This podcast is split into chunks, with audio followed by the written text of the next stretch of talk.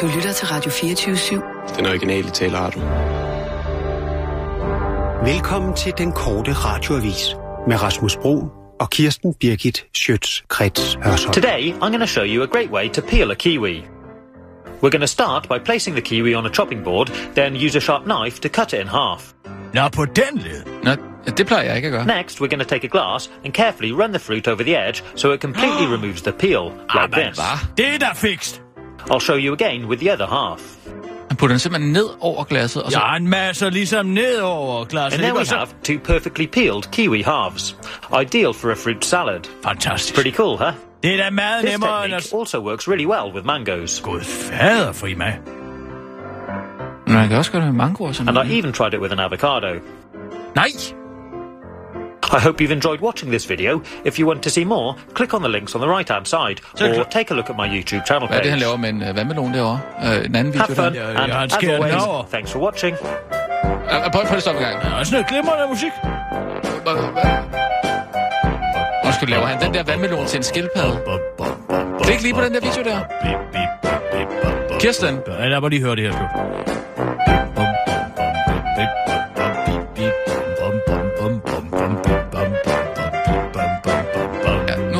Det. Prøv lige at klikke på den der, hvor han laver en vandmelon om til en skildpadde.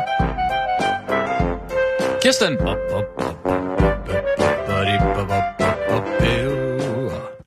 K- nej, klik nu lige på den der. Prøv at se. Altså, jeg ved, kan vi. Det her underlæg bliver vi også nødt til at bruge sådan noget. Måske noget så tirsdag. Ja, det kan vi da godt. Det kan et eller andet. Se, det er det, det, er det, jeg mener, altså, den fri information, ikke? Ja, uh, altså to... Alle de her menneskelige kundskaber, som kan blive delt frit mellem mennesker. Mm. Altså netop noget som det her, det, ville, det var jo det, Napoleon forsøgte at, at råbe hele verden for, ikke? Alexander den Store, det var netop det her kundskaber, ikke? Jo, jamen jeg synes, Og den... nu har vi takket ved internettet fået adgang til alle de her klogskaber ja. og kundskaber. det, det er en smart måde at skrælle en kiwi på. Eneste problem er, der er lige øh, lidt mere opvask end ved min model, ikke? Altså, du skal vaske kniven op og glasset op, men du skal jo Også lige, gen, også gen. du kan jo bare hælde det lige ind i munden. Det kunne man i princippet godt, Så det er faktisk samme mængde. men det er mere indviklet at vaske et glas op, end det er at øh, vaske en, en, en teske op. Ja, så er Det det, kun fordi, du ikke vasker det ordentligt op. Men har du ikke opvaskemaskine? Jo, men det tager mere plads, sådan et glas. Hvor mange har du inde? I øh, opvask... Ja, det, det er en, jeg har kun sådan en lille opvaskemaskine, der er ikke så meget plads i mit køkken. Jeg har jo to. Ja, Ja, det synes jeg, jeg ikke behøver at blæret- bruge mine skabe. Det har du bladret dig med før. Vil du være sød og trykke på den der, hvor han laver en vandmelon om til en skildpadde? Det vil jeg gerne lige se. Og den er ikke her. Nej, hvis du lige går tilbage igen. Den kom i slutningen af, af videoen. Today, I'm going to show you a great way to Så der. Se der. Jeg kan ikke trykke på den, hvis tænder og tage... Hvorfor, hvorfor kan man ikke trykke på den? Vent nu lige lidt. Tryk. Der var den. Nå, nu er lige en reklame. Så kan jeg lukke det gamle vindue ned ved at Spring, trykke. spring annoncen over. Today, I'm going to show you a great way to serve a watermelon. And we're going to start by using a sharp knife to cut it in half. Ja, det kan jo være jo, der skal spise en Rather than just cutting off a slice like this, which can be messy and awkward to eat, Ja, det, det må jeg give mig we're going to turn half the melon over onto a chopping board, then using our knife, cut strips about an inch wide all the way up the watermelon like Skal han jo this. bare i tæerne. Nej, han... Next, er we're going to turn it around and do exactly the same again. Ja, det er der ikke nogen hemmelighed i. Try and hold the melon all Så together while you're en doing it. tæer, som du skal And there ned i we have halsen it. på dig selv. Simple and ready to serve. Just pull a piece out Det er and it's ready to eat. Great for parties and sharing with friends. Så skal alle hænder nærmest ved det. I hope you've enjoyed Jeg watching this han lavede den video. om til en skildpadde. Det If you want han to see more, click on the links Det er on jo the right hand fordi, at side. den vandmelon, Or der take a ligger look på at my den måde, ligner page. en skildpadde. Nå, der til sidst blev til en skildpadde. Nå, det er computeren mere. Ah, stay safe, have fun, and as always, thanks for watching. Musikken er heller ikke lige så god som i den anden. Nej. Nå, vi må hellere komme i Ja, gang. lad os komme i gang. Sissel. Ja, ja, ja, ja, jeg ser lige klar, parat, skarp. Og så kan du bare trykke, tryk den i gang. Når jeg har sagt det. Og nu, live fra Radio 24 7 Studio i København. Her er den korte radiovis med Kirsten Birgit Schøtzgrads Hasholm. Esben Lunde Larsen tager Søren Pape store krav til råden. Nu skulle der ikke længere ærske nogen tvivl. Miljø- og Fødevareminister Esben Lunde Larsen springer endelig ud og kommer de konservative i møde med den kommende naturvalg. Der har været de konservatives formand Søren Baba Papa Pape Poulsens krav fra starten, at Esben Lunden skulle tage og sluge hans krav om en reducering af udledningen af kvælstof på i alt 624 ton i øh, 2017 og 2018. Jeg bøjer mig for Søren Papes krav og lader ham få sin vilje med mig, og der skal ikke være nogen tvivl om, hvem der er giveren og hvem der er tageren i den situation. Det er jeg ikke bleg for at indrømme, siger Esben Lunde til den korte radioavis og slår fast, at han er træt af at forsøge at skjule, hvad alle tydeligt kan se. At regeringen bliver nødt til at imødekomme de konservatives reduceringskrav. Søren Baba Pape Poulsen er dog ikke øh, overrasket over, at Esben Lunde endelig har valgt at springe ud og imødekomme hans store stive krav.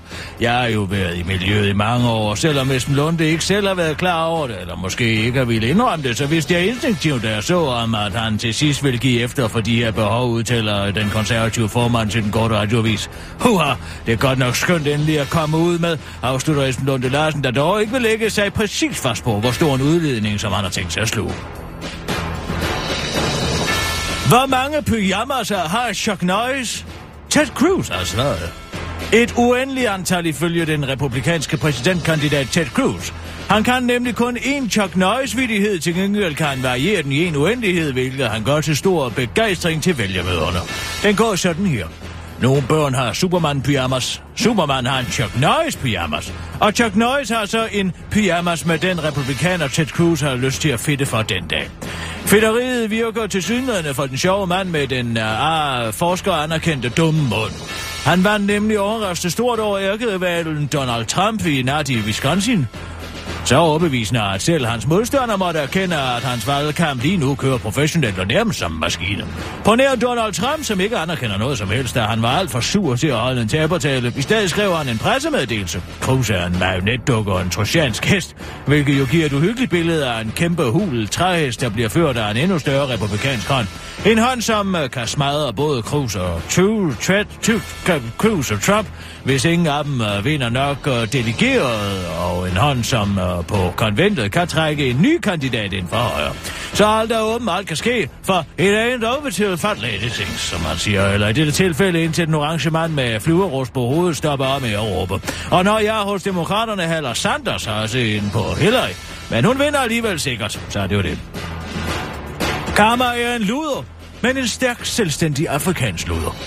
Behagsyg Hvid Skødemand skrev sidste søndag et indlæg i politikken om, at hvide mænd, der køber seksuelle ydelser hos afrikanske gadeprostituerede i København, svarer til fortidens hvide kolonier. Så skulle den være hjemme, tænkte forfatteren, Vesterbro-borgeren gymnasielæreren Siddig Lausten, og så frem til at sole sig i hvide feministers opmærksomhed. Men AKV kun en uge senere skrev to øh, kvinder et modsvar i politikken, hvor øh, det fremgår, at det er ham selv, der er den hvide kolonier. Nu har to kvindelige gadejurister nemlig offentliggjort et modsvar i samme avis, hvor de gør opmærksom på, at den slags moraliserende udspydelser i virkeligheden er det, der holder den afrikanske prostituerede nede. For prostitutionen er nemlig den eneste måde for kvinderne reelt at tjene penge på, og det vil man vide, hvis man som Siddig Clausen ikke bare stod i sin andelslejlighed og kiggede på løjerne, men rent faktisk talte med de prostituerede, skriver de to forfattere, Maja Løbjerg Hansen og Anna Godfredsen, og det irriterer Siddig. Jeg havde jo regnet med, at hvis jeg bare gjorde den hvide mand til skurk, krydder det med billeder af fede vomme, der banker mod mørke mose på, gader, på gader og stræder, så vil jeg aldrig drikke rødvin med mig i kødbyen, siger Siddig, der den korte radioavis møder ham siddende på en im skaldstol i sit samtalekøkken på Vesterbro. Jeg forstår det ikke. Hvis Rasmus Brygger kan få feministfise på det, hvorfor kan jeg så ikke, siger Siddig Clausen til den korte radioavis, der mener, at der må ligge noget uretfærdighed bag. Det er så bare at finde ud af, hvor i uretfærdigheden består, og så skrive en lidelseshistorie til politikken, så skal jeg nok få noget fisse. Måske øh, noget med, at det i virkeligheden er mig som hvid privilegeret mand, der i min ubevidste og ikke anerkendte patriarkalske tankegang er den skyldige. Ja, den er god nok. Så kan du godt fugte læberne, Sander Søndergaard, afslutter Siddig Clausen til den korte radioavis. Det var den korte radioavis med Kirsten Birgit Sjøtskrets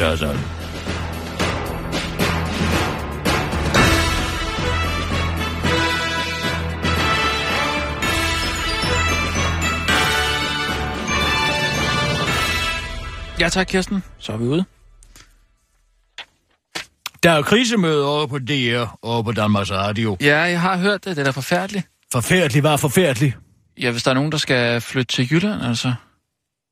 Hvad- Er det ikke det, det handler om? Jo, det handler om, at ledelsen vil flytte afdelinger til Jylland. Ja, det er sandt. Gud, hvor forfærdeligt, hvad man skal ikke Det er derovre. sgu da forfærdeligt. Hvorfor flytter ledelsen egentlig aldrig selv af helvede til? Kan du forklare mig det? Alle de her økonomi- og jurauddannede jakkesæt, Ja. ja. som vandrer rundt og tror, at de skal lave indhold. Jeg tror faktisk, at det vil være godt for de producerende kræfter over i DR at få ledelsen lidt på afstand. Jamen, de er jo også fra Jylland alligevel alle sammen, ikke? Skal Adrian afsted måske? Hvad siger du? Skal Adrian måske til Jylland? Adrian, øh, Adrian Hughes. Altså en lækker lejlighed. Sissel, ring lige til Adrian. jeg tror da ikke... Øh, Ej, vent nu lige lidt. hvad? Skal jeg ringe til ham? Ja, for helvede. Det var det, jeg sagde. Men du sagde vent lige. Du sagde vent nu lige. Vent nu lige. Vent nu, jeg sagde dig ikke vent nu lige. Det gjorde du da, gjorde du ikke? Ved du hvad, bland dig udenom, hvad jeg går og siger. Sissel, sagde hun ikke øh, vent, nu Jo, lige? det var derfor, jeg spurgte. Ja, ikke? Jo. Jeg hørte det også. Ved du hvad, I to, jeg har set, hvordan I går og smisker til hinanden. Det gør vi da. Bag min ryg. Ja, Dags, du har ringet til Adrian Hughes, kulturjournalist ved DRK i DR. Ja, tak, jeg ved du godt, hvem du er. besked her på telefonsvaren, når jeg er færdig med at tale. Ups, det blev jeg allerede nu. Hvor herre bevares.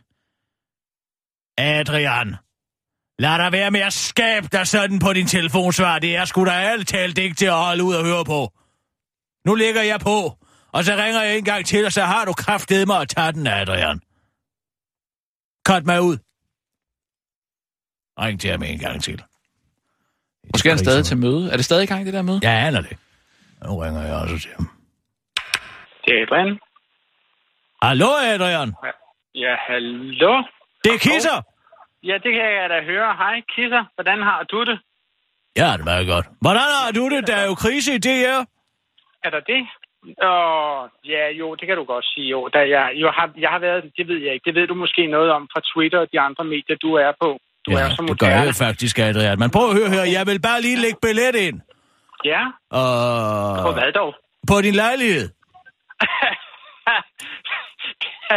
Den har du set i fjernsynet, eller hvad? Se i fjernsynet. Jeg skulle da været i den, Adrian. Lad dig være med at skabe dig.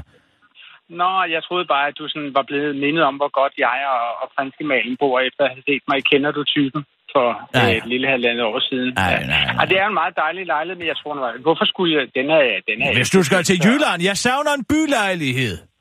Jeg synes sgu, der Jylland, er... jeg da, hvad, hvad får dig til at tro, at de vil sende mig til Jylland? Du må da være vanvittig. Altså, hør det her. altså, man, man flytter ikke Amalienborg øh, til øh, Store Torv i Aarhus, og man flytter ikke mig til, til Aarhus eller Aalborg med dobbelt A begge steder. Altså, jeg er jo trods alt dronningen af dansk kulturformidling. Øh, det ved du formentlig udmærket godt. Du er! Hvad? At du Ja, er. Adrian! Det. jeg tror, du taler til en. Jeg tror faktisk, du er i audiens netop nu, Adrian. Hvem skulle det være hos? Har du andre med på linjen? Hvad taler du om? Lad være med at være så flappet. Du, det taler naturligvis af mig. Jeg har sgu skrevet kulturanmeldelser længe før du overhovedet tænkte på at sætte dig i en orange firkantet stol på det her Nu må du simpelthen tage det sammen. Altså, jeg har den størst tænkelige respekt for dit journalistiske arbejde med at afdække øh, malerhjernesyndromet, og, og jeg ved også, at du har set Grosny falde med dine egne øjne, og det er alt sammen fint. Men altså, de der såkaldte kulturkanyler, der, altså, der var jo simpelthen en grund til, at politikken droppede dig. Det simpelthen mig, de ringer hver eneste uge og tigger og beder om, jeg kommer tilbage til fadet. Jamen, der er da, du har da ikke publiceret noget der i meget, meget... Nej, men det er bare et spørgsmål om at sende dem en tekst, og så bliver det trygt. Og det er sgu mere, end man kan sige om dig, Adrian. Kirsten Birgit, man bliver ikke dronning af dansk kulturformidling ved at lave et eller andet hø og hakkelse og udskrab fra en tv-optræden, man har været. Jeg var så dum, at jeg inviterede dig med i Kulturrådet for at se Dum! Det er det eneste begavede, de der nogensinde har været i et program Det, med dig, Adrian. i receptionen der, det som vi talte om i foyeren i det nye teater, det går du så hjem og hakker sammen til en eller anden alen lang beskrivelse af, hvem du har Ja, bare mødt. fordi jeg formår at beherske det danske sprog og skabe billeder. Åh, herre bevares. Altså, jeg ved simpelthen ikke, hvor du ville være, hvis ikke du havde en talentmasse omkring dig, som kunne hjælpe dig. Talentmasse, hvis du taler om Rasmus Brun, så tror jeg, du skal ryste posen og hive en ny brik op. Må jeg... Altså, du har jo simpelthen blankt indrømmet, at du har en her af praktikanter, som ulønnet hjælper dig med med at skrive Ulønnet, de laver min kaffe og sender mit tøj til rens. Det er sgu, hvad de gør. Du har jo simpelthen fortalt mig, Ved du hvad? de Hvis det er at nogen, der omringer sig med små lækkermåser af kulturstuderende fra Københavns Universitet som praktikanter, så er det sgu dig, er- Adrian. Må- Tror du ikke, jeg så, hvordan du stod og for. på ham der, den mørkhårede med de krøllerne? Og så stopper vi lige. Undskyld, jeg hopper lige ind i uh, samtalen her. Hej, Nå, uh, det, det er Rasmus Broen. Rasmus. Er du der også? Jeg er her også, ja. Okay, nå. vi Hej. ringede egentlig bare lige for at høre, øh, hvordan medarbejderne tager det. Altså, øh, dem, der skal flyttes til, øh, til Jylland, hvis der er nogen. Det ved jeg ikke, hvordan det Øh, det er det, jeg sørger med ikke. Altså, jeg må jo simpelthen sige, at jeg har det fuldstændig som Jack Nicholson i uh, Broadcast News. Jeg går rundt og kigger på folk med smalle øjne, og så tænker jeg, this is Går du rundt og kigger på kinesere? harsh- Nej, jeg tænker, jeg, jeg har selv mine egne små smalle Nå. øjne på, og så kigger jeg på folk sådan lidt oppefra og ned efter og siger, det bliver vel nok hårdt øh, for jer, tænker jeg så. Jeg kan jo simpelthen ikke forestille mig, at det her har noget med mit liv at gøre. Men I skal nok have fat i nogle menige medarbejdere, tror jeg. Jamen, Danmark hvem- hvem- hvem er blevet Og det er du ikke, eller hvad? Har du en chefstilling? Lad Er du nu- Nej, redaktør? jeg har ikke en Spørg- chefstilling, men altså, jeg er Det er jeg. Jeg er seniorkorrespondent. Ja, det er fint. Det har du så fået ravet til dig i en eller anden... Ja, fordi jeg kan forhandle løn. Hvad? Ja, det, vil- Kan vi finde ud af, hvem det er, der skal- kan. Jeg ringede faktisk Ja. for at begrave øksen. Stridsøksen. Og for at Så invitere skal dig. du ikke gå Og- rundt og sige til folk, at du er dronningen af dansk kulturformidling. Ja, det noget skal du da ved Gud heller ikke. Hvem fanden skulle ellers være der? Og nu skal du ikke sige dig. Det er jo utroligt, hvad man skal høre på. Vi var Torben meget... Sangil er et godt bud. Torben Seil. Ja, Torben Sangil. Han er da også Altså, som bøsse og kan sig til kalde sig for. Han er ikke homoseksuel. Han har aldrig reageret på nogen af mine i tilmæ- tilnærmelser. Ja, det gør ham jo ikke til ho- homoseksuel. Det gør det da i allerhøjeste Altså, han har grad. lige postet på Facebook, at han siger, at han er en af Danmarks ledende kulturpersonligheder. For det har han lige fået Kælers stempel for, at han er. Kæler, hvor herre bevarer sådan en stangstiv pottemager, som om at det skulle være noget. Ja, det er jo lige præcis det. Altså, jeg ved ikke, hvem der har lyst til at tage ind i en kælerrestaurant i Tivoli for at se Torben Sangel, men jeg ønsker ham held og lykke med arrangementet. Ved du hvad? Jeg har heller aldrig kunnet udstå Torben. Jeg synes, at han er simpelthen sådan en opblæst idiot. Og jeg har sagt, at han skal klippe sit skæg. Altså tænk engang, at man kan forestille sig overhovedet at komme i, i Danmarks Radio eller i tv med sådan, Celine, sådan en gammel kommunist. Ja, men han forsøger vel at ligne en eller anden hipster fra Elmegade. Ja, det kan du sgu Nu bilde mig ind. laver han jo altså journalistik Ja, over ja, på Zetland. Det, altså, Zetland, hvad ja. er nu det for noget? Et eller andet anarkistmedie, som prøver at, at spætle folk til at, at kø- tegne abonnement, hvor her bevares. vi, Ja, men Adrian, prøv at høre her. Jeg synes, vi skal tale videre om det. Men hvad med, at vi Nå. gør det til Erotic World? øh, til hvad sagde du? Til Jurassic World? Erotic World. Erotic World? Ude i Valbyhallen, det er disse dage, Adrian. Nå, okay, du begraver stridsøksen og siger, måske kan vi godt finde ud af at lave noget sammen alligevel. Ja, men jeg tænker faktisk, at det er... Ja, jeg giver dig faktisk en kulturidé, ikke? Fordi det, er, det her virtual reality er jo det helt store inden for sexbranchen nu, nu, Ja, nu, det er da nu for tiden, ikke? Ja, Men jeg det er tænker, vi kan da måske uh, gå ud og kigge på det, og så dele Ja. vores tanker. Det synes jeg sådan set er en vældig fin idé, det må jeg sige. Er det en invitation, det her? Det Kan er en stående invitation. Jeg kan Nå, komme og hente dig, så kan jeg også lige invitation. se lejligheden. Bare lige i tilfælde af, at du bliver sendt ud. Der, jeg, kommer, jeg bliver ikke sendt ud. Og derudover, Kirsten Birgit, så må jeg simpelthen sige, at hvis jeg nogensinde skal fyre den lejlighed af, så kender jeg jo folk, jeg kan lide.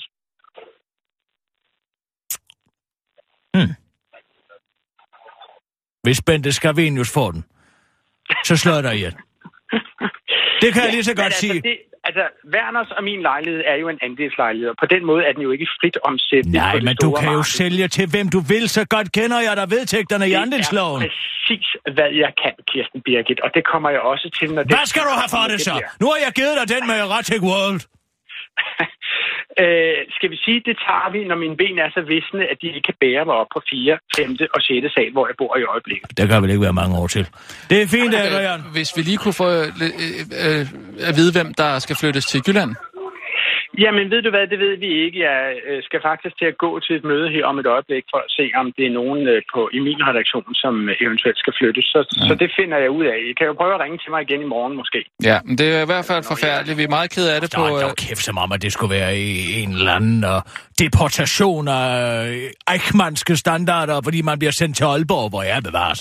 Nå, Nu Adrian, har har jeg det... jo selv boet i Aarhus i fire år, Ja, da jeg gik på journalist. Ja, jeg kommer fra en Det er da en fin Nå, det by. Ja, ja det er stort. Men man kan bare ikke få noget ordentligt mad derovre længere. Hold nu kæft, Rasmus. Åh, det tror jeg nu nok, man kan. Adrian, Så prøv at tage til vi skal Aalborg. have nyheder nu, når man holder op med det der provinssnak. Farvel, Jeg forstår heller ikke, Adrian. hvorfor I ringer begge to i munden på hinanden. Nej, det er fordi, du er på medhør. Cut mig ud. Nå. Farvel, Sissel. Ja, Adrian. Kør for helvede. Live fra Radio 24 Studio i København. Her er den korte radiovis med Kirsten Birgit Schøtzgrads Hasholm. Stemmelæber. Alternativet opstiller deres indtil videre mest alternative kandidat. Den nylig opstillede folketingskandidat for Alternativet i Østjylland er Mohammed Sabama, der tidligere var talsmand for den kontroversielle aarhusianske moské Grimhøj Moskeen. Han er altså sidste skud på stammen i Danmarks mest alternative parti, Alternativet, og netop så alternativen kandidat er intet tilfælde, forklarer Danmarks mest alternative partileder Uffe Elbæk til den korte radiovis. Vi leder fokuseret og alternativt efter folkevalgte, der kan tænke alternativt. Nogen, der kan se tingene fra en helt andet perspektiv end de etablerede, siger Uffe Elbæk og konstaterer, at de har fundet den indtil videre mest alternativt tænkende kandidat i Mohammed Sabah Ahmad. I stedet for at sige, at jøderne er ofre for Hitler, så siger han, at jøderne er ligesom Hitler. Og i stedet for at sige, at det er offentlige anlæggende, om folk søger og følger sharia-lovgivningen i stedet for Danmarks lov, så siger han, at det er et privat anlæggende. Og i stedet for at være begævet af en idiot, siger partilederen og forklarer, at partiet kom frem til Mohammed Sabah Ahmads kandidatur til et såkaldt politisk laboratorium i Aarhus, efter at have taget tre brev LSD ved at nedsænke sig selv i et sansekar. Uffe Elbæk, der mener, at den politiske debat er kørt fast, siger, at folk som Mohammed Sabah Ahmad kan være med til at finde nye løsninger.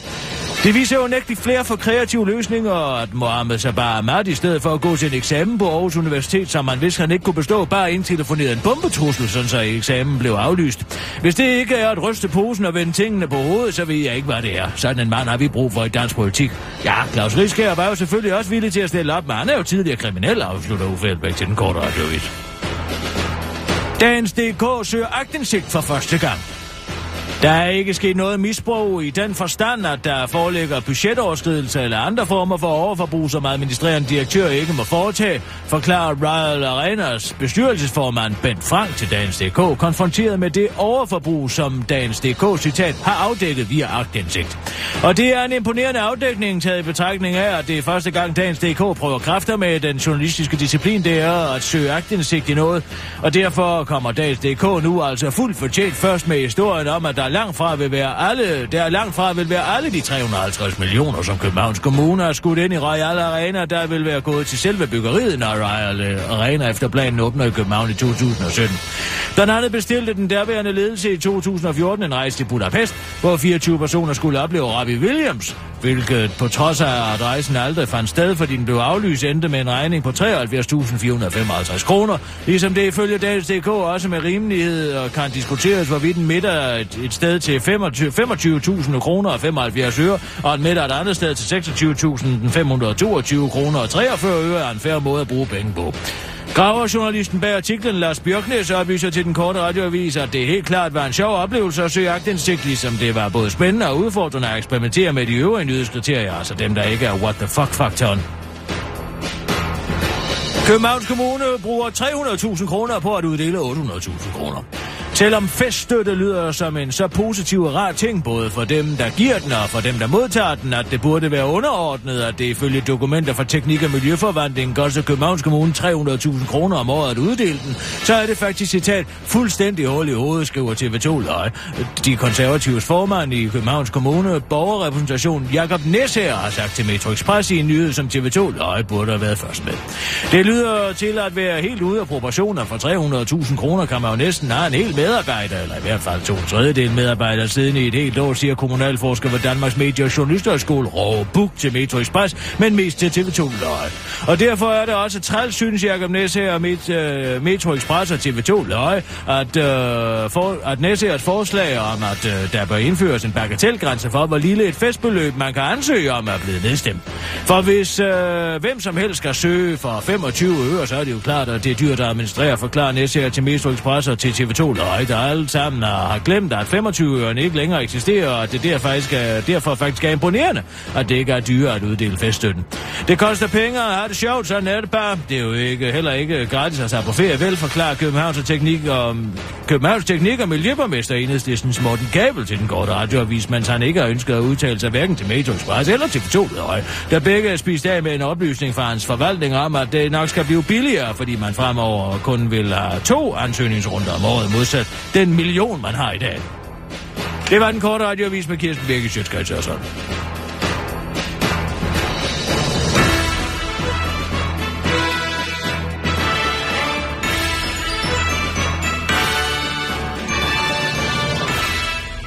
Mm, Ja tak, Kirsten. Så er vi ude. Hvad er det her? Computer? Er det et billede ud fra det møde ude der? Ja. Må se. Ja, det er et billede af bare en whiteboard eller sådan et eller andet, hvor der står, hvad det er. Uh, må jeg lige se en gang. Se her, så kan man se øh, dagsordenen. Det er, det er, det er, Dialog og information. panik. Ja, dialog og information. Og så kan man også ringe til Falk Healthcare. Og sige, Ja. kontakt jeres nærmeste chef, Altså, hvis man er en af dem, hvis der... man er en af dem. der Der, der er flyttet. også adgang til Falk Healthcare. Sig til jeres nærmeste chef eller tillidsmand, hvis I ønsker at gøre brug af det. Altså, hvis man bl- bliver flyttet til Jylland, så kan man lige kontakte Falk.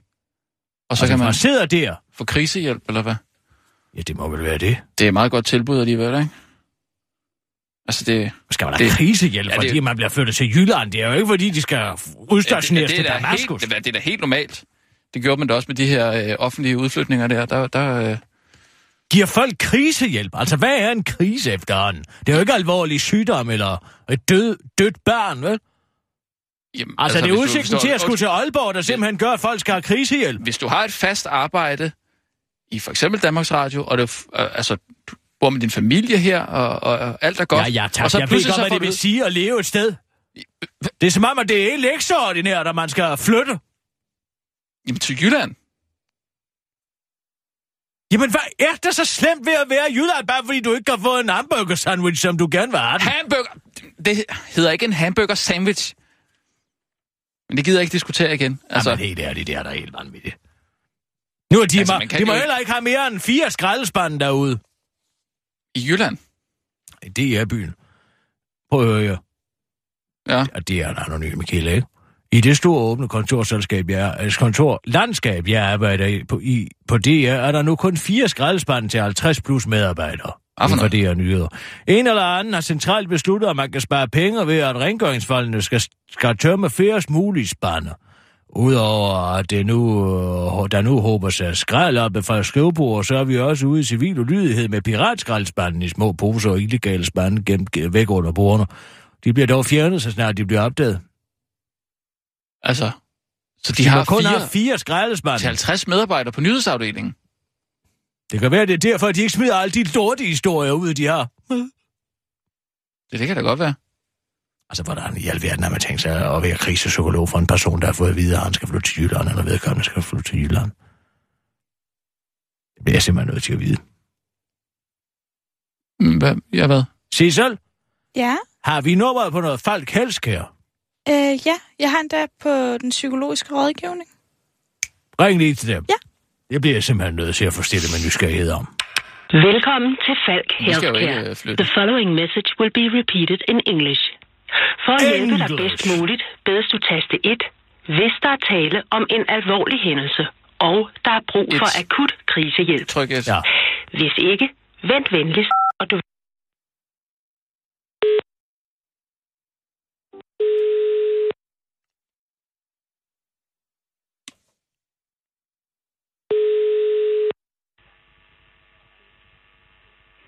er Marie-Sophie Kur.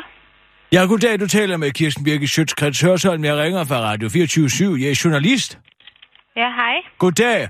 Det drejer sig om, at øh, jeg kan se og via nogle kilder, jeg har fået, at de er repræsenteret ude ved et krisemøde i Danmarks Radio, hvor der er nogle journalister, der muligvis får at vide, at de skal flytte til Jylland. Jeg vil bare høre, hvordan altså krise håndterer man øh, en journalist i chok over, at vedkommende har fået at vide, at han skal flytte til enten Randers eller Aalborg eller Aarhus. Øh, der, jeg skal lige forstå dit spørgsmål. Ja, det drejer sig om, at øh, DR har stillet krisehjælp, som I leverer, Ja. øh, til Ja. rådighed for altså, journalister i chok over, at de Ja. skal flytte til provinsen. Jeg vil bare Ja, høre, hvordan, øh, hvordan griber man sådan en øh, krisehjælp an? Jamen, det kan man jo gribe an på mange måder. Hvis jeg nu for eksempel ringer til dig og siger, jeg skal flytte til Aalborg. Ja. Hvad så? Hvad vil du så sige? Altså, hvordan? Det er mere... Jamen, Altså, altså, det, er jo ikke en, øh, det er jo ikke en krise i sig selv, kan man sige. Nå, jamen det var bare det, jeg skulle høre. Tak Nå, for det det. er godt. Det er godt, Hej. du. Hej, hej. Hvad laver du? Så fik vi slået det fast. Sissel, vi kører nyheder. Ja. Og nu, live fra Radio 24 Studio i København. Her er den korte radiovis med Kirsten Birgit Schøtzgrads Hasholm. David Cameron ændrer holdning til, hvad der hører privatlivet til. Den britiske premierminister David Cameron er en af de offentlige personer, der har fået fingrene i klemme i de store bunker af semilækkede skattedokumenter fra advokatfirmaet Mossack Fonseca i Panama. Det drejer sig nemlig om premierministerens afdøde far Jan Camerons firma Balermo Holdings Incorporated, etableret i 1980'erne, der igennem tiderne har forvandlet de superrige britters formuer, uden dog nogensinde at betale skat i England. Og nu er firmaet altså dukket op i de semilækkede dokumenter med fra Mossack Fonseca, men i modsætning til tidligere, hvor David Cameron blandt andet har kaldt komiker Jimmy Carr for moralsk forkastelig, fordi hans selskabskonstruktion gjorde, at komikeren ikke skulle betale skat i England, så mener Cameron nu, at skatteunddragelse er en privatsag. Det er en privat sag. Jeg er fokuseret på, hvad regeringen skal, sagde Cameron forleden i en pressemeddelelse. Og det har fået Edward Snowden til at insinuere hyggeleri fra premierministerens side. Så nu går han ind for privatlivets fred, tweetede Snowden håndligt i forgårs. Herhjemme skal man øh, også, kan man også ændre mening om, hvordan beskyldninger om skattesvig skal håndteres. Jyske Bank, der tidligere har advokeret for fuld offentlighed i forbindelse med DR-dokumentaren i Skattely, og advokeret for, at alle skjulte optagelser skulle lægges frem, har ændret mening i sagen om Mossack Fonseca, hvor det er kommet frem, at banken har oprettet 2.000 selskaber på indholdsvis Gibraltar og i Centralamerika, for at deres rigeste kunder kunne betale sig fra at betale skat i Danmark. Vi tror, at tiden er inde til stille refleksion, og ikke så meget til voldsom offentliggørelse, siger en repræsentant for banken, mens han bukker hovedet i bøn. Ny forskning, spred benene og få succes med dating. I en moderne dating-tid domineret af Tinder, kan øh, dine chancer for en date blive afgjort af et enkelt billede. Men det er ikke ligegyldigt, hvordan du står på det billede, viser ny forskning ifølge, ifølge Science Mag. Punktum. Forskerne bag det nye studie har undersøgt, hvorvidt større positurer, såsom udstrakte arme eller spredte ben, var mere attraktivt i de to moderne datingformer speed, speed dating og smartphone-baserede datingprogrammer som Tinder. Forskningspersonerne, forsøgspersonerne sandsynlighed for at få et ja til en speed date blev øget med 76 procent for hver det ene point på en 7 skala de udvidede deres kropholdning, det skriver videnskab.dk.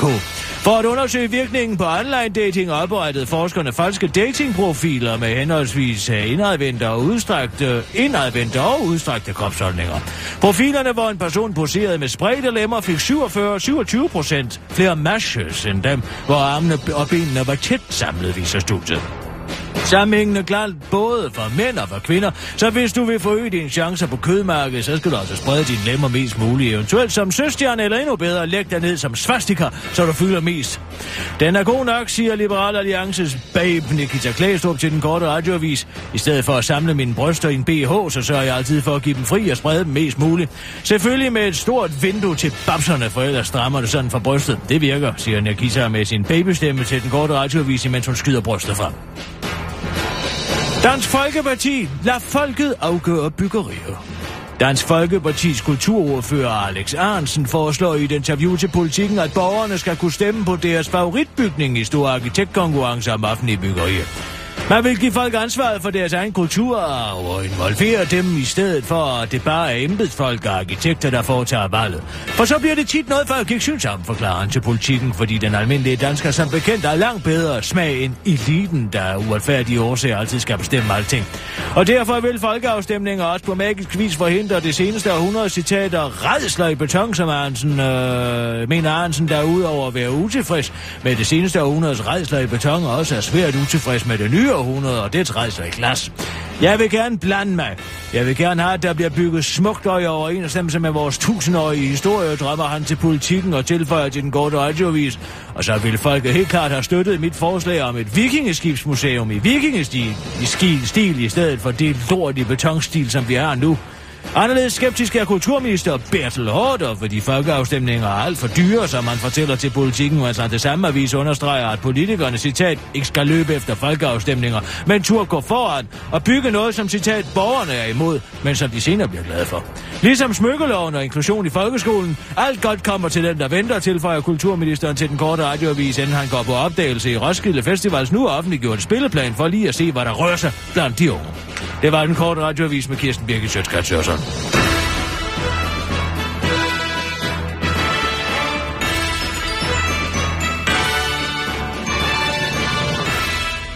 jeg er så vildt nok med det der skattelæg der, vi altså, er op Nej, på... lad være at bruge det ord. Hvilket ord? Skattelæg, jeg vil ikke høre det. Jamen, det hedder dokumentaren jo. Ja, men der er jo ikke tale om et læk. Hvordan ved du det? Ja, altså, den hedder Det Store Skattelæg. Er det offentliggjort? Øh... Nej, nej, nu spørger jeg dig om en ting. Ja, ja. Hvad, de 11,5 millioner dokumenter, Ja, som stammer fra Mossack Fonseca, ja. er de offentliggjort? Det har vi snakket om før. Nej. Nej, de er ikke offentliggjort. Hvordan Nej. kan det så være et læk? Jeg kalder det for en kontrolleret sivning. det er, hvad jeg kalder det for. Men, men dokumentaren hedder Det Store Skattelæg. Ja, jeg er sgu da skide ligeglad med, hvad dokumentaren kalder de ting. Jamen, hvad skal jeg så Der er kalde ikke dokumentaren? tale om en ægte lakage. Hvem har det i Danmark? Hvem har adgang til de her lister i Danmark? Mm, politikken? Ja. Og det er. Ja. Ikke? Ja. Men hvordan ved man overhovedet, hvad de har adgang til? Og ved de det overhovedet selv? Altså, det her, det drejer sig om, at dem, der påstås at sidde på den her fuldgyldige liste her, ikke over alle de her dokumenter, er jo ICIJ, International Consortium of uh, Investigative Journalists, ikke sandt? Ja, ja. Som vi har engang etableret og støttet af Ja. Rockefeller, af George Soros og alle de her multimillionærer, ikke? Yes. Så de er nok blevet fjernet fra listen, inden det er blevet sendt videre. Tror du ikke det? Det kan man jo ikke... Altså, det, Nej, det, det kan man ikke vide, fordi Nej. listen er ikke blevet offentliggjort. Så de det. lister, som politikken sidder og søger i sammen med Danmarks Radio, er jo med al sandsynlighed nogen, hvor de allers værste er blevet hævet ud, ikke? ja, det kan man ikke sige noget om. Men det er ret vildt, at der Nej, er tre... det kan man altså nemlig ikke 300 sige dansk- noget om, og man ved heller ikke, hvem, hvem er kilden til Süddeutsche Zeitung, som påstås at, at, at have lækket det her, ikke? Nej, det ved man heller ikke. Nej, det ved man ikke, hvem er, fordi Nej. det er en eller anden, der igennem en krypteret chatbesked har sendt 11,5 ja. Millioner dokumenter til en eller anden sydtysk avis. Men... Og hvem er så det? Flere teknologieksperter er ude og siger, at det er meget mystisk, at man kan sende 11,5 millioner dokumenter så hurtigt krypteret. Inden for, ja, underforstået, Det at der der er tale en- om en, en- muligvis højst sandsynlig en efterretningstjeneste, ikke? Eller ikke med en god computer, ikke? God, god forbindelse eller et eller andet, ikke? At det handler ikke om upload eller download hastighed, det her. Det handler Nej, om, nej. at vi ikke ved en skid om det her. Ja, det er og rigtigt, det her med at kalde det for en lækage, og tro, at lige om lidt, så samles høtyven uden for de menneskers huse, som fortjener det. Det er en ammestue-historie, og det er noget ammestue-snak. Jo, det men- her, det er et nøje kontrolleret detonation. Det her, det er en nøje kontrolleret, kontrolleret sivning. Helt sikkert, ingen tvivl om det. Men nu er det jo også noget konspirationsnoget, Nej, det er ikke konspiration. Det er aldeles ikke konspiration. Når sådan noget man er nødt ikke er blevet sig- offentliggjort, det må enten blive offentliggjort 100%, eller også, så må man lade være med at, at få det til at lægge. Det siger de mennesker, der bliver afsløret. Hvem er det? Skal vi gå ind og kigge på listen? Ja, det har vi jo gjort, men altså... Har vi det? For det er Angola, det Ja, ja. er Ja, ja, Algeriet, det har det gjort. er Kamerun, det er alle mulige ligegyldige Men- bananrepublikker, og så er Kirsten- det jo et Putin og Kina, ikke? Det Og er, der hvorfor ikke er det det? de, det er der ikke nogen af de andre medier, der, der, der, der skriver om det her. Altså, det, det Nej, men om, jeg der- forstår det ikke, for jeg lavede den her nyhed for helvede lige, da det kom frem. Ikke Ja, ja, sandt? Fordi jo. jeg kunne lægge to brikker sammen, man er jo og ikke bare øh, øh, øh, gik og klappede i mine små, radikale Bolidegård 3000 computerarme, for at øh, nu kom der endelig til at ske retfærdighed til i den her verden. Ah, nej. jeg kommer til at sige, hvis jeg var Bolidegård, så ville jeg skulle da skrive en artikel om, hvorfor det kan være, at vi ikke kan få lov til at. Nej, det er ikke konspirationer. Det drejer sig om, at hvis man var den her slags offentliggjort, så må man offentliggøre det hele. Sissel, har du for øvrigt fået fat i Paul Madsen, som jeg bad dig om? Nej, han er i byretten. Er det den gisseltagningssag igen? Ja. Jamen for helvede, så stik dog de sømænd Hvad- millioner kommer ud af det. Hvad skal du snakke Poul Madsen om nu? Ja, ja, hvorfor skriver han ikke om det? De er da en del af det samme hus. Jo, men jeg tror bare, de prøver, forsøger at forholde sig til de oplysninger, der rent faktisk er. Hvad med furen? Har du fået fat i hitten? Karen Bro, Ja. hun holder ferie. Så er der sgu da ikke noget under, at jeg er den eneste, der sidder med den. Folk, de sidder jo inde og sutter på rangle eller er i retten. Hvor her bevares. Så ring dig til Bo Lidegaard, hvis du vil... Jamen, han er jo fuldstændig uden for pædagogisk rækkevidde. Jeg bliver jo nødt til at have nogen, der kan gå op og sparke ham i røven. En telefonopringning. Ulrik Hårup, så. Så ring til... Nej, nu må jeg sgu have lov til at bede. Jamen, så må vi sgu tage tipstelefonen, Sissel. Ja. Tipstelefonen. Ja. Ekstrabladets tipstelefon. Ekstrabladet. Ej, men det kommer du aldrig nogen vej med. Ja. Ekstrabladets redaktion. Ja, goddag. Du taler med Kirsten Birgit Schøtzgrads Hørsalm. Jeg er journalist, og jeg er tip. Ja, meget kort. Hvad drejer det sig om? Meget kort. Det drejer sig om den her skattelægssag fra Mossack Fonseca. Ja. Ja, det drejer sig om, at den liste er jo ikke offentliggjort endnu. Alle andre danske aviser, DR og Politikken, de påstår jo, at det, der er et stort læk, men der er i virkeligheden tale om nogle få redigerede dokumenter, som er blevet sendt ud fra ICIJ, The International Consortium of Investigative Journalists, til DR og Politikken, og det er der allerede redigeret i. Så den her små øh, selvcelebratorie øh, om, at nu skal vi have retfærdigheden til at ske fyldes, det er en illusion, og det synes jeg, I skulle skrive om i jeres avis. Og jeg kan ikke få fat på Paul Madsen, fordi han er i retten, så nu ringer jeg til dig. Ja. Ved du hvad, jeg siger det videre? Har du fået det hele med? Jeps. Ja, men det er jo bare tom snak. Og Hvad, hvad drejer det sig så om? Så læs det op, det du har skrevet ned. Nej, nu. Øjeblik.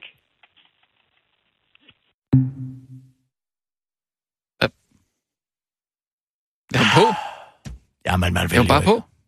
Ja, fordi hun sidder jo og stikker mig en løgn, ikke? Ja, ja, jeg siger det videre, som om, jo sådan en idiot kan forstå halvdelen af, hvad jeg sagde der. Det fangede hun da overhovedet ikke, det der. Du kunne da høre, at hun ikke sad og skrev det ned. Og nu tror du så måske ikke på længere, at det er en konspiration, eller hvad? Og nå, nu begynder... Jo, jo, altså... Øh, det er da mærkeligt, det der. Men måske er det fordi, du... Du, øh, hvorfor, du kan jo også bare tale pænt. Hold nu Ja. kæft med det tal pænt. Vi taler om en fuldstændig systematisk skattesvig fra alle verdens ledere, og så skal jeg sidde her og tale pænt. Hvor herre bevares mand til hyggeleri. De står op på deres talerstol og siger, at vi alle sammen skal betale vores skat. Og hvem er der tale om? Men så- Middelklassen. Der er ikke- mig. Vi skal betale vores skat. De fattige, de kan være på understøttelse, og de rige, de skal sgu nok flyve det udenad. Ved du godt, hvor mange penge, der ligger i skattely nu?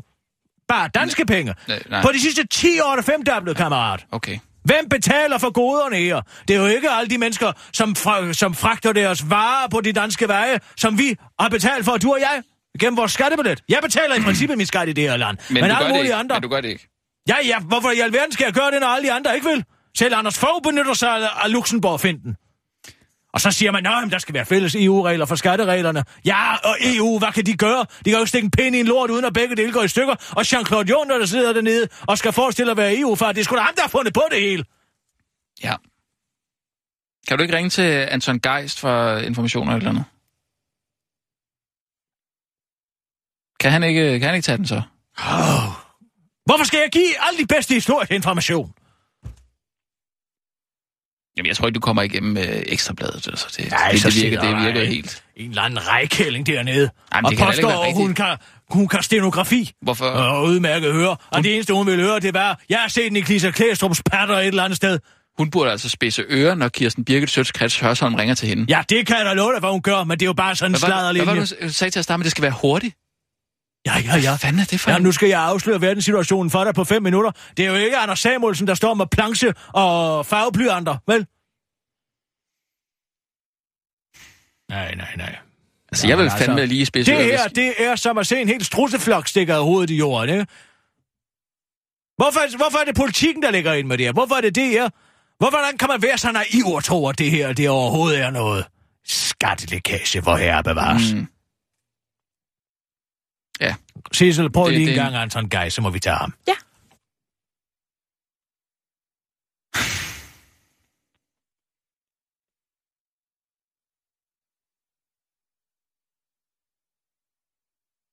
Ja, jeg kan ikke høre noget, Sissel. Dutter den? Nå.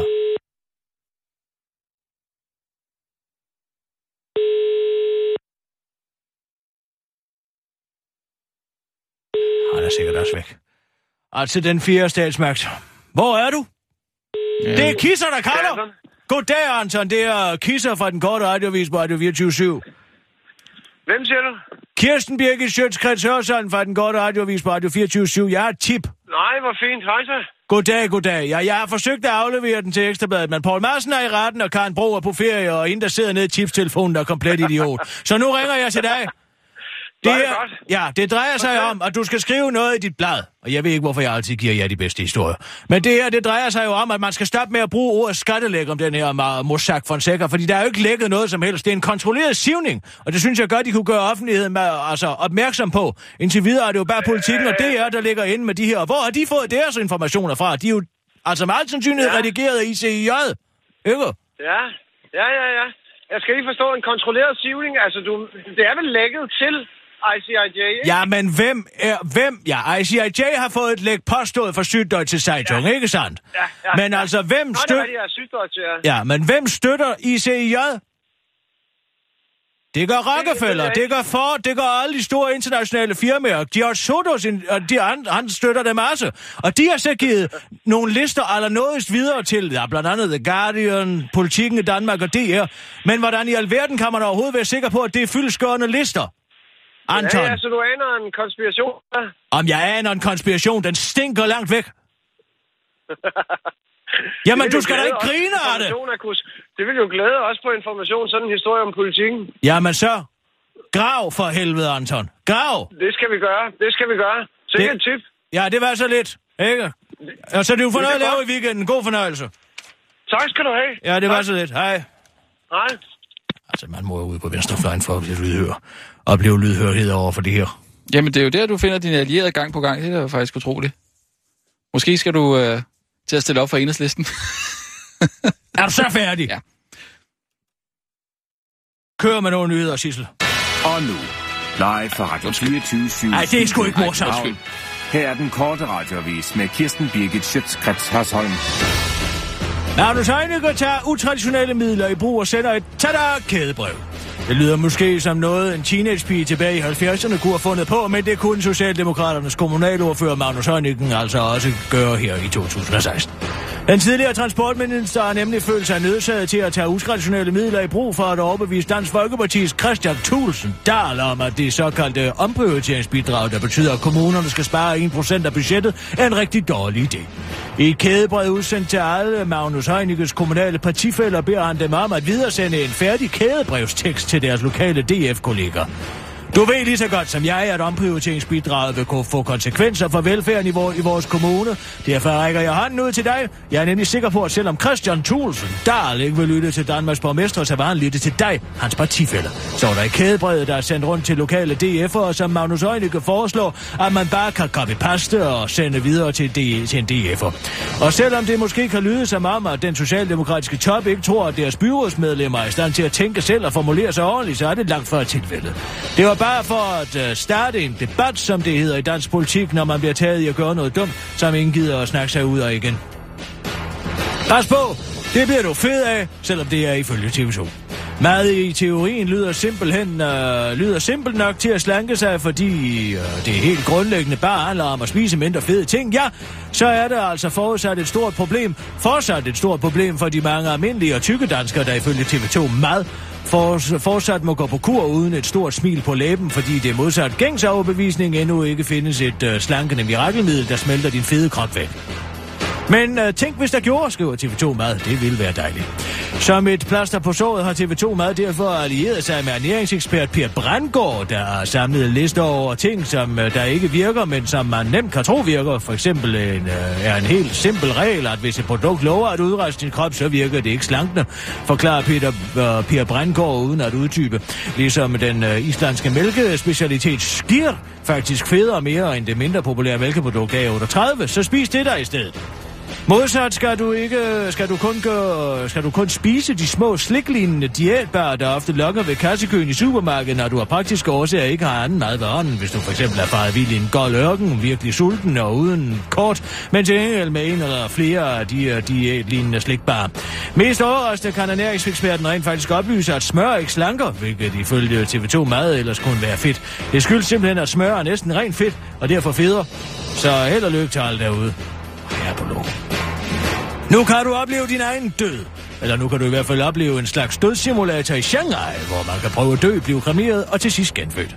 Simulatoren, der er designet til at gøre mennesker mindre bange for døden, fungerer på den måde, at man først ligger sig på et stort transportbånd, som kører ind i en slags ovn, hvor man dør og bliver kremeret. Når man er død, kommer man ind i et stort latexområde, det der er livmoren, hvorfra man bliver genfødt i en stor baljebold. Og det er særligt genfødselsdelen, der er med til at gøre mennesker mindre bange for døden, siger dødssimulatoren skaber Chow Chuling Yao Chow ciao. Hvis navnet direkte oversat til dansk rent faktisk betyder hersker af huset, lotusblomst, prydfuld pels. Det ville nok virke mere skræmmende, hvis vi holdt os til det mere realistiske scenarie, at man bare dør, og alting er sort og tomt, og så tænkte jeg, og hvad med i stedet at blive genført i en stor balje af plastikbolde, som vi kender dem fra lejlerne på McDonald's, udtaler den stolte opfinder til den korte radiovis og løfter sløret for, at netop er ved at lægge det sidste hånd på sin nyeste opfindelse. Jihadkriger og de 72 jomfruer, hvor man kan opleve, hvordan det her springer sig selv øh, og nogle vantro flypassagerer i luften, for derefter at få lov til at bolle løs til evig tid, eller i hvert fald til man har fået 72 dårlige jomfruknald. Nå ja, og så er der også den mindre populære Hindu-simulator, hvor man kan opleve, hvordan det er at stå midt på en indisk motorvej og tykke drøv, afslutter på opfinderen. Det var den korte radioavis med Kirsten Birgit Sjøtskrets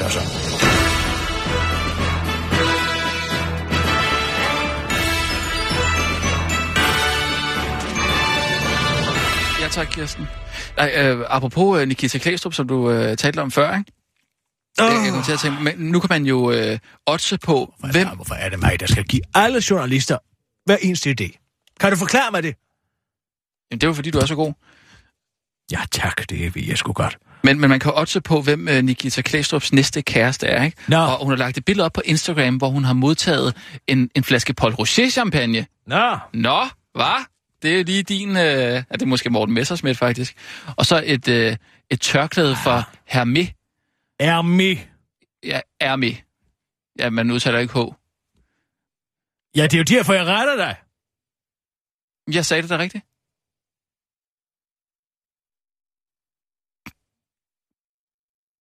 Nå, det vil jeg da godt være med.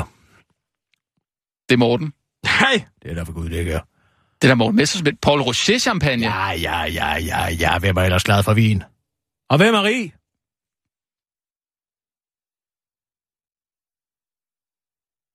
Mm. Hvem kan lide penge og piger? Tænk dig nu godt om, inden du svarer. Du har måske set ham i øjnene. For nyligt.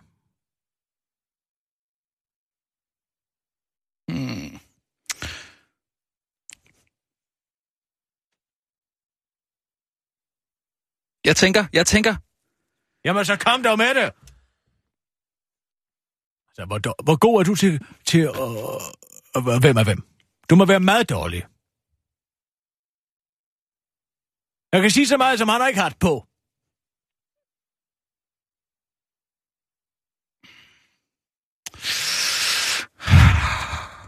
Jeg tænker. Gå i skjorteærmer. Blå. Per Pallesen.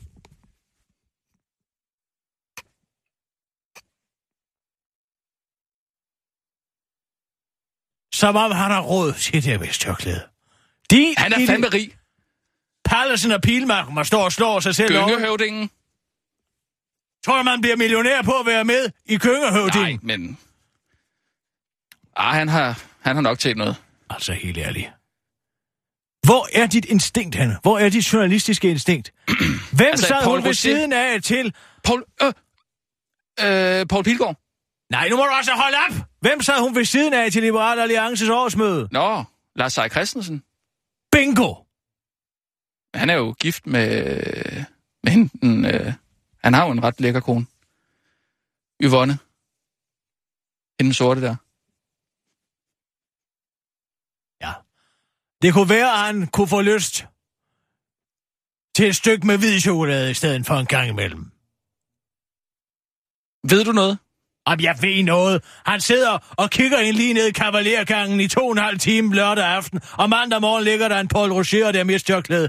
Goddag, kammerat! Skal vi, skal vi også på, øh, på Lars Seier? Nej, jeg Han går da ikke for. Yvonne. Det gør han da ikke. Hvor skal han gøre det? Ja, jeg tror mere, du skal sige, Yvonne går ikke for ham. Tror mere, det er den vej rundt, du skal bruge din logik, kammerat. Så sætter jeg 500 kroner på øh, Lars Seier Christensen. Du kan godt tage 1000 for mig også. Hvad er på det? Ja, det skal jeg så lige ind og se. Det, det har jeg ikke lige her. Og det er fint. Gør du bare det. Ja. Jeg skrider ned og får noget mad.